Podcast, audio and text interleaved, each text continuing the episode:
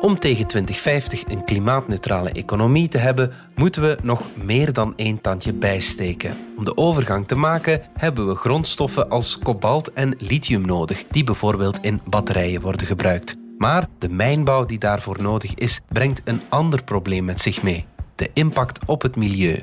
Hoe gaan we met die paradox om? En waar in Europa kunnen we nog aan mijnbouw doen? Het is vrijdag 2 juli. Ik ben Alexander Lippenveld en dit is vandaag de dagelijkse podcast van de Standaard.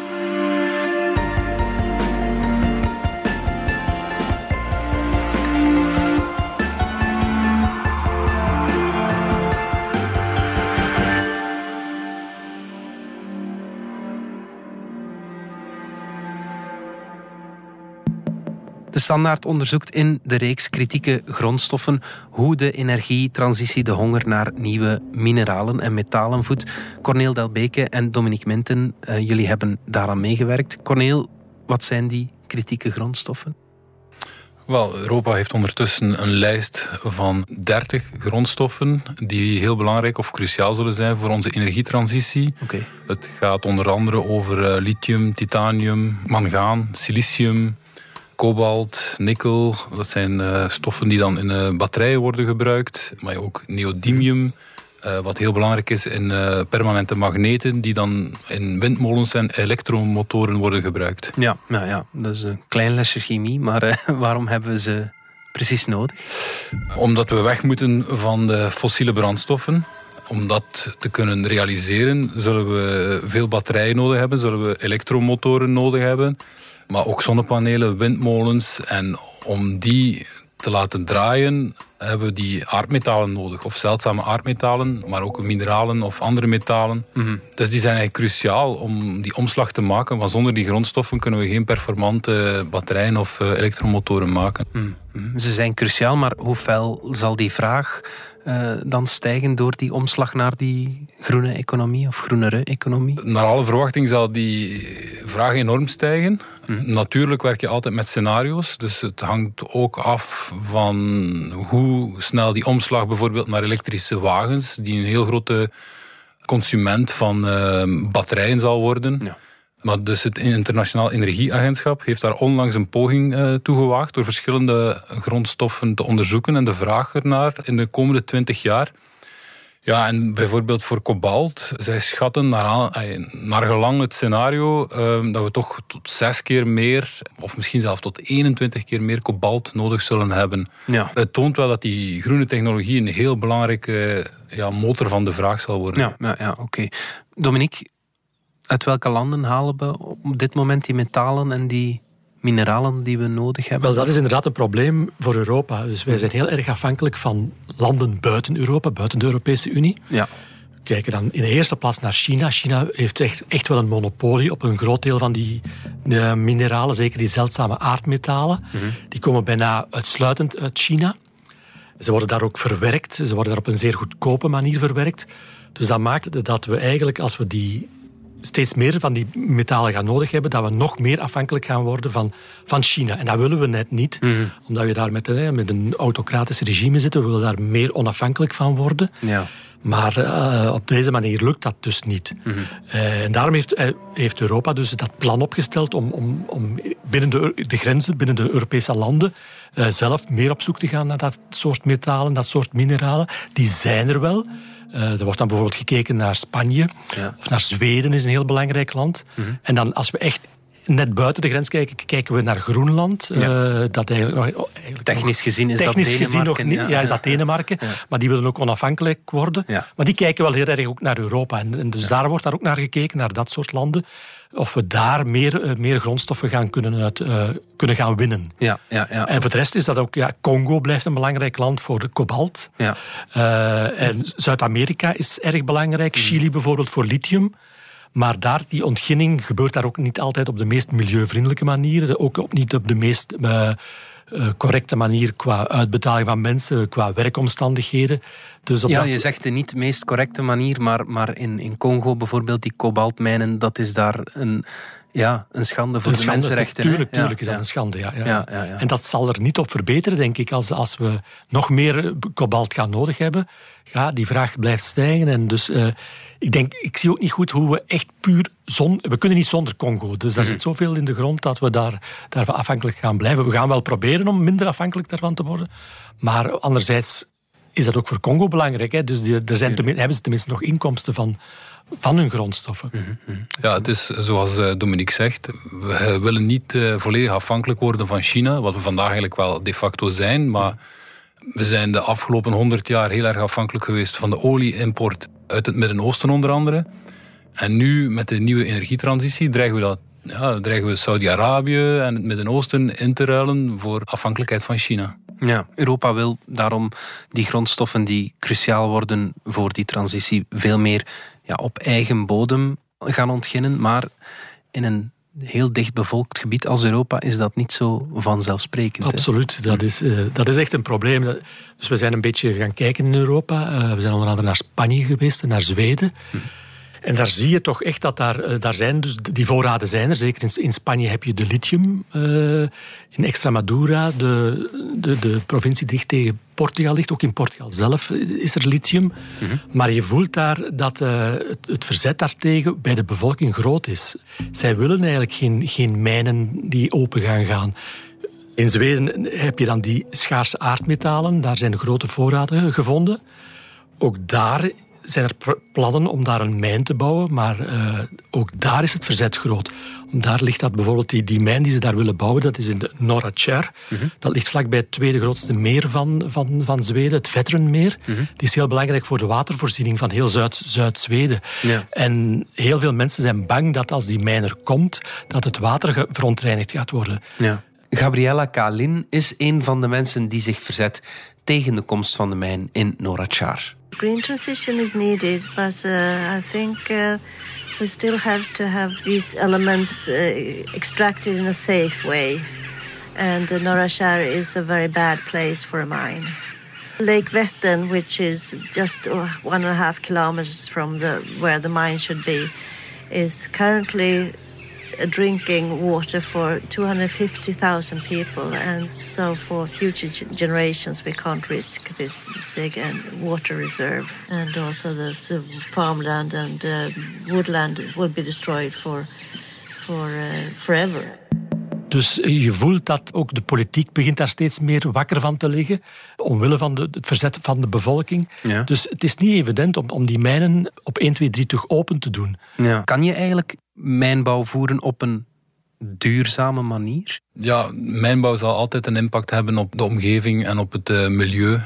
Dat kan niet anders. Het is wel zo dat er zeker eh, processen zijn die minder belastend zijn. En eh, het is zo, als die mijnbouw in Europa zou plaatsvinden, zou dat waarschijnlijk ook volgens veel ja, strengere normen dan in China gebeuren. Maar het heeft altijd een impact en daarom is er ook zoveel verzet. Hè. En vooral, ja, het laaghangend fruit is op land ergens geplukt. Als er ergens makkelijk kobalt te rapen valt of lithium te rapen valt, ja, dan hebben we het al gedaan. Dan is het al weg, ja. En eh, dus ja, bij een nieuwe ontginning zullen we altijd moeten eh, bepaalde gebieden aansnijden. eh, en dat gaat altijd ten koste van de natuur en de omgeving. Ja, ja, ja. Je krijgt heel erg ook het not in my backyard syndroom. Ja.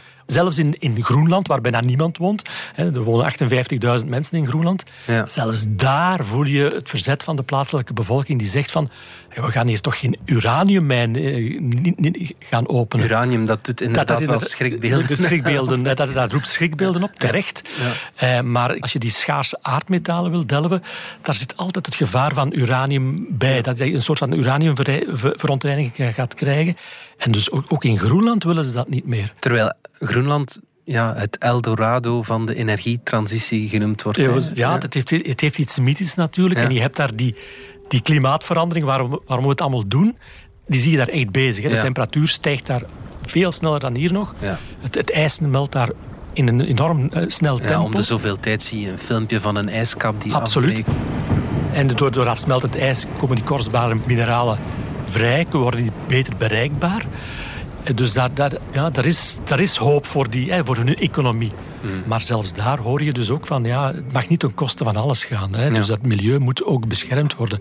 Er zit heel veel in de grond, er wordt heel veel aan prospectie gedaan. Maar als je kijkt naar wat er op het terrein echt gebeurt, dan blijft het altijd nog heel beperkt. Op dit moment zijn er twee mijnen open in, in, in Groenland. Eén is dan nog een, een mijn van edelstenen. Die zijn niet cruciaal voor de energietransitie. Dus ja, dus er zijn zeker mogelijkheden om meer te ontginnen en om, om uh, meer daaruit te halen. Blijft ook een heel ruw gebied. Zelfs als we daar meer dingen uit de grond gaan halen, uh, hoe gaan we die naar hier krijgen? Het klimaat blijft onstabiel, ja. de ondergrond blijft onstabiel, het ijs smelt, het ijs breekt af, uh, schepen kunnen toch in de problemen komen. Ja. Dus de meeste analisten of mensen die daar wonen, die daar onderzoek doen, die blijven toch ook redelijk sceptisch daarover. Je mag dat niet overdrijven. Mm -hmm. Dus het Eldorado van, van de nieuwe mineralen, nee, ik denk het niet dat dat echt, echt ooit gaat gebeuren. Is mijnbouw in ons land eigenlijk... Uh een optie in de toekomst? Eh, België is niet echt uh, niet bepaald rijk aan, uh, aan die grondstof. Okay, ja. Het enige waar wij een beetje op inzetten is, is recyclage. Daar, ja. hopen wij, daar hopen wij een steentje van mee te pikken. Ja, inderdaad. Eh, dat geldt voor, een groot deel van Europa. Inderdaad, dat wij heel weinig grondstoffen hebben. Of toch relatief weinig grondstoffen hebben. Maar ik sprak ook met eh, Sarah Mathieu, die in het Europees Parlement zetelt voor Groen. Mhm. En zij zei, ja, we moeten dat ook anders bekijken. We zijn wel heel rijk aan kennis. Mhm. En die kennis kunnen we inzetten om bijvoorbeeld een circulaire economie te ontwikkelen. Want er zitten niet veel grondstoffen meer in de grond misschien. Maar we hebben wel heel veel grondstoffen bij ons thuis liggen, omdat wij enorm veel van die producten hebben. We hebben laptops, smartphones, uh, die zijn ondertussen al aan de derde, vierde generatie toe. Dus die liggen allemaal stof te vergaren in de schuif. Terwijl al die metalen zitten daar nog in. Want een metaal, in tegenstelling tot plastic, iedere keer als je plastic recycleert, dan verliest dat in waarde, in kwaliteit. Maar een metaal, dat kan je blijven recycleren. Of toch de meeste metalen kan je blijven recycleren. Dus wij hebben wel de kennis om eventueel die urban mining, zoals dat dan heet, ja. om daar dan wel een economie rond te organiseren. Ja, en hoe ver staan we daar dan in met die recyclage? Mm, nog niet heel ver. Enerzijds wel, want technisch is daar al heel veel mogelijk. Mm Umicore is daar echt een voorloper, dus dat hier in Hoboken zit. Maar alleen ja, is dat economisch nog weinig rendabel. En dat mhm. komt omdat dat wel complexe processen zijn. En de kostprijs daarvan, met ook de strenge normering in Europa, weegt niet op tegen de ontginning in landen zoals China of in Congo. Mm -hmm. Dat hoor je dus ook zeggen, bijvoorbeeld in Zweden zeggen ze dan ook van ja, oké, okay, um, we hebben hier misschien wel heel veel schaarse aardmetalen, maar als we die hier moeten ontginnen aan onze normen en onze regels, dat wordt heel duur. Ja. En de markt, we leven nog altijd in een kapitalistische markt, dan gaan we toch kijken naar waar het het goedkoopst kan ontgonnen worden. En dan kijken we toch weer, dan gaan we ze toch weer in China halen. Ja, ja, ja. Het wordt hoe dan ook een, eh, ja, een internationaal verhaal. Dat het, is een wereld, het blijft een wereldverhaal. Ja, ja, Plus ook, de vraag naar die metalen wordt zo groot dat we het alleen met de recyclage niet gaan redden. Dat, dat blijft een te, kleine, te kleine omzet, denk ik. Dat, dat bleek ook heel duidelijk in het rapport van het Internationaal Energieagentschap in maart, waarin dat zelfs in de beste scenario's waar we onze inzameling van gebruikte goederen echt naar 80% brengen, fors verhogen ten opzichte van nu, wereldwijd spreek ik dan.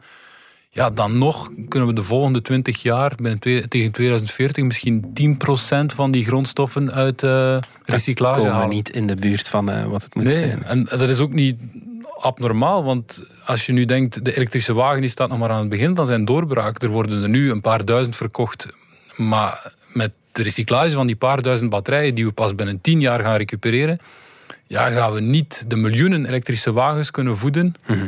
die binnen tien jaar op de markt komen. Mhm, mhm. Dus de, de, er zit gewoon nog niet genoeg van die materialen in de economie om ze er ook uit te halen.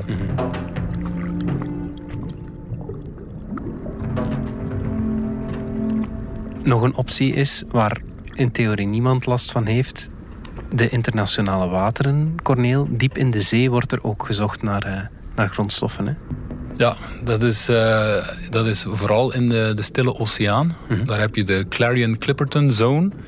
Mhm. En daar zijn verschillende bedrijven, waaronder de Belgische baggeraar Deme, is daar uh, actief om de zeebodem te inspecteren, omdat daar heel veel mangaanknollen liggen.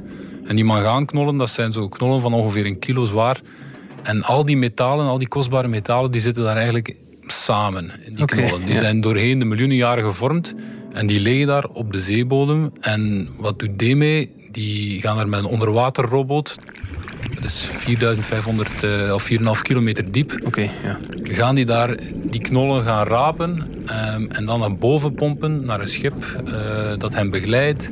En dan die metalen daaruit recupereren en dan het sediment dat losgekomen is, wordt terug in, in zee gebracht. ja. Het potentieel daarvan is heel groot, want in de diepzee zit volgens ehm, de Amerikaanse overheidsdienst, de US Geological Survey, meer nikkel en kobalt bijvoorbeeld dan in alle landreserves samen. Ja, oké. Dus da- da- daar zit heel veel. Er valt veel voor te rapen. Natuurlijk, ja, net zoals op land, eh, heeft ook eh, mijnbouw in de zee een impact op het milieu. Moeten we dat een, een positieve ontwikkeling vinden, die diepzeemijnbouw? Maar enerzijds is de impact nog niet helemaal bekend. Dat wordt natuurlijk zwaar onderzocht, maar we weten bijvoorbeeld nog niet... ehm, als die mangaanknollen worden geraapt, dan wordt er sediment eh, losgeweekt. En dat verspreidt zich. En we weten eigenlijk niet hoe ver dat zich verspreidt. Want als dat sediment terug neerdaalt, ja, dan kan dat ook weer Ja. ergens anders impact hebben. Anderzijds moet je het altijd afzetten tegenover andere mijnen. We moeten die grondstoffen ergens halen. Ook op land hebben ze, kunnen ze heel veel schade berokkenen. En het voordeel van, dat, van die mijnbouw in die internationale wateren is ook dat de landen, eh, of toch de, de, de landen onder de VN, voor het eerst ook samenkomen om daar een internationaal kader voor te scheppen. Ja. Bij landen gebeurt dat allemaal op eh, de nationale territoria. En ja, daar is er weinig internationaal toezicht over. Maar nu, met die diepzeemijnbouw, oké, de effecten zijn nog niet heel goed bekend, maar we zijn ze nu wel intensief aan het bestuderen. En er wordt ook wel echt gewerkt aan een kader daarvoor. Wat Ja. dus mogelijk ook de impact kan beperken eh, ten opzichte van mijnen op het land. T-minus 90 seconds and counting.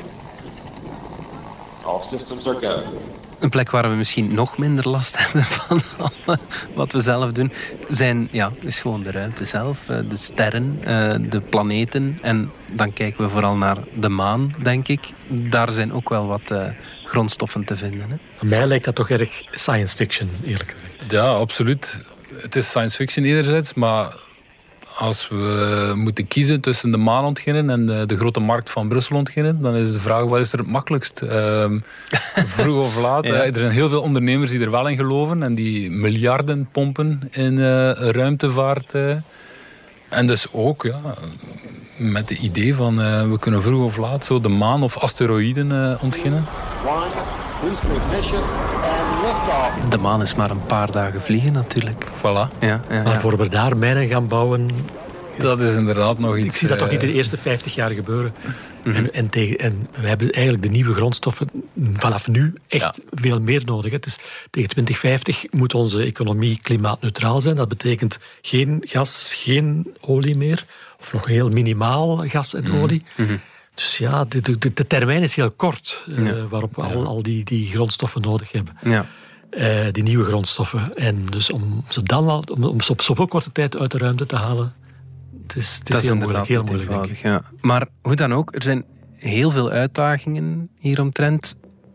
Misschien een heel brede vraag, maar wat is de oplossing? Ik denk dat we toch ook altijd moeten blijven nadenken om minder te consumeren. Eh, hoe, hoe je draait of keert, eh, we, we consumeren ons kapot. En uiteindelijk gaan we daar toch eens goed over moeten nadenken. Eh, ik denk, als iedereen met een elektrische wagen gaat rijden, gaan we eigenlijk gaan we het klimaat nog altijd niet redden. Hoor. Dat, daar ben ik wel van overtuigd. Maar het is een boodschap die, ja, die, die niemand wil horen. Hè. Eh, Dus, eh, wij willen misschien nog wel iets minder consumeren, maar al die opkomende economieën, de, de, Bra- de Brazilianen, de Chinezen, de Indiërs, die willen liever wat meer consumeren. En je kan hen dat ook niet ontzeggen. Hè. Ze halen ons nu wel in snel tempo in. En ze mogen misschien niet, niet de fouten maken die wij hebben gemaakt, maar het is heel, heel moeilijk om, om die fouten niet te maken, denk ik. Ja, wij zelf mogen ook de fouten niet maken die we gemaakt hebben. Hè. Fossiele brandstof, het probleem daarvan is, we halen dat, we ontginnen dat, we halen dat uit de grond, eh, we verbranden het en het is weg.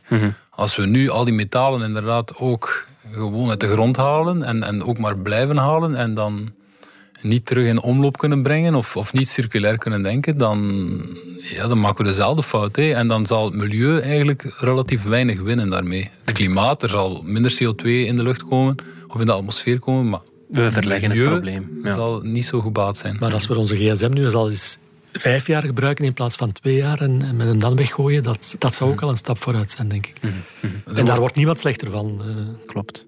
Ja, er wordt natuurlijk ook uh, gekeken naar technologische innovatie. Hè. Um, veel van die grondstoffen, er wordt enorm veel onderzoek verricht naar hoe we die, ja, hoe die concentraties kunnen verlagen. Hè. Dus eh, er zal beleid nodig zijn, uh, er zal innovatie nodig zijn. We zullen inderdaad naar de consumptie moeten kijken. Um, maar ja, het zal zoveel vergen. Ja, ja, en je zegt er zal beleid nodig zijn. Is men daarmee bezig? Is Europa bijvoorbeeld bezig met, die, met dat wat te reguleren? Ja, absoluut. Europa wil eigenlijk naar de volledige levenscyclus al kijken van producten. Eh, ze, ze willen eigenlijk een, een, een soort van ontwerprichtlijn, eh, een ecodesign-richtlijn eh, in het leven roepen. En daarmee zouden producten al bij het ontwerp zo ontworpen worden dat, ze makkelijker, dat die grondstoffen er makkelijker uit te halen zijn. Ah, ehm, ook als je die grondstoffen ergens documenteert, dan kan je die beter opvolgen. Kan je zien waar komen ze uh, terecht en, en hoe kunnen we ze weer halen. Um, of ja, ook inzameling kan nog veel beter. Hè. Er liggen uh, in België alleen al volgens Recupel uh, 51 miljoen uh, afgedankte elektrische toestellen in onze huizen. Oké. Dus als we die al kunnen inzamelen, dan hebben we toch al iets. Hmm. Het, zal, het zal lang niet voldoende zijn, maar ja. Elk stapje of elk beetje kan helpen. Absoluut. En het blijft een race tegen de tijd natuurlijk ook. Hè. Dus we moeten... Anderzijds is er ook geen alternatief. Hm. Goed, oké. Okay. Corneel, Dominique, dank jullie wel. Graag gedaan. Dit was de podcast van De Standaard. Bedankt voor het luisteren. Reageren kan via podcast.standaard.be. Alle credits vind je op standaard.be-podcast. Maandag zijn we opnieuw.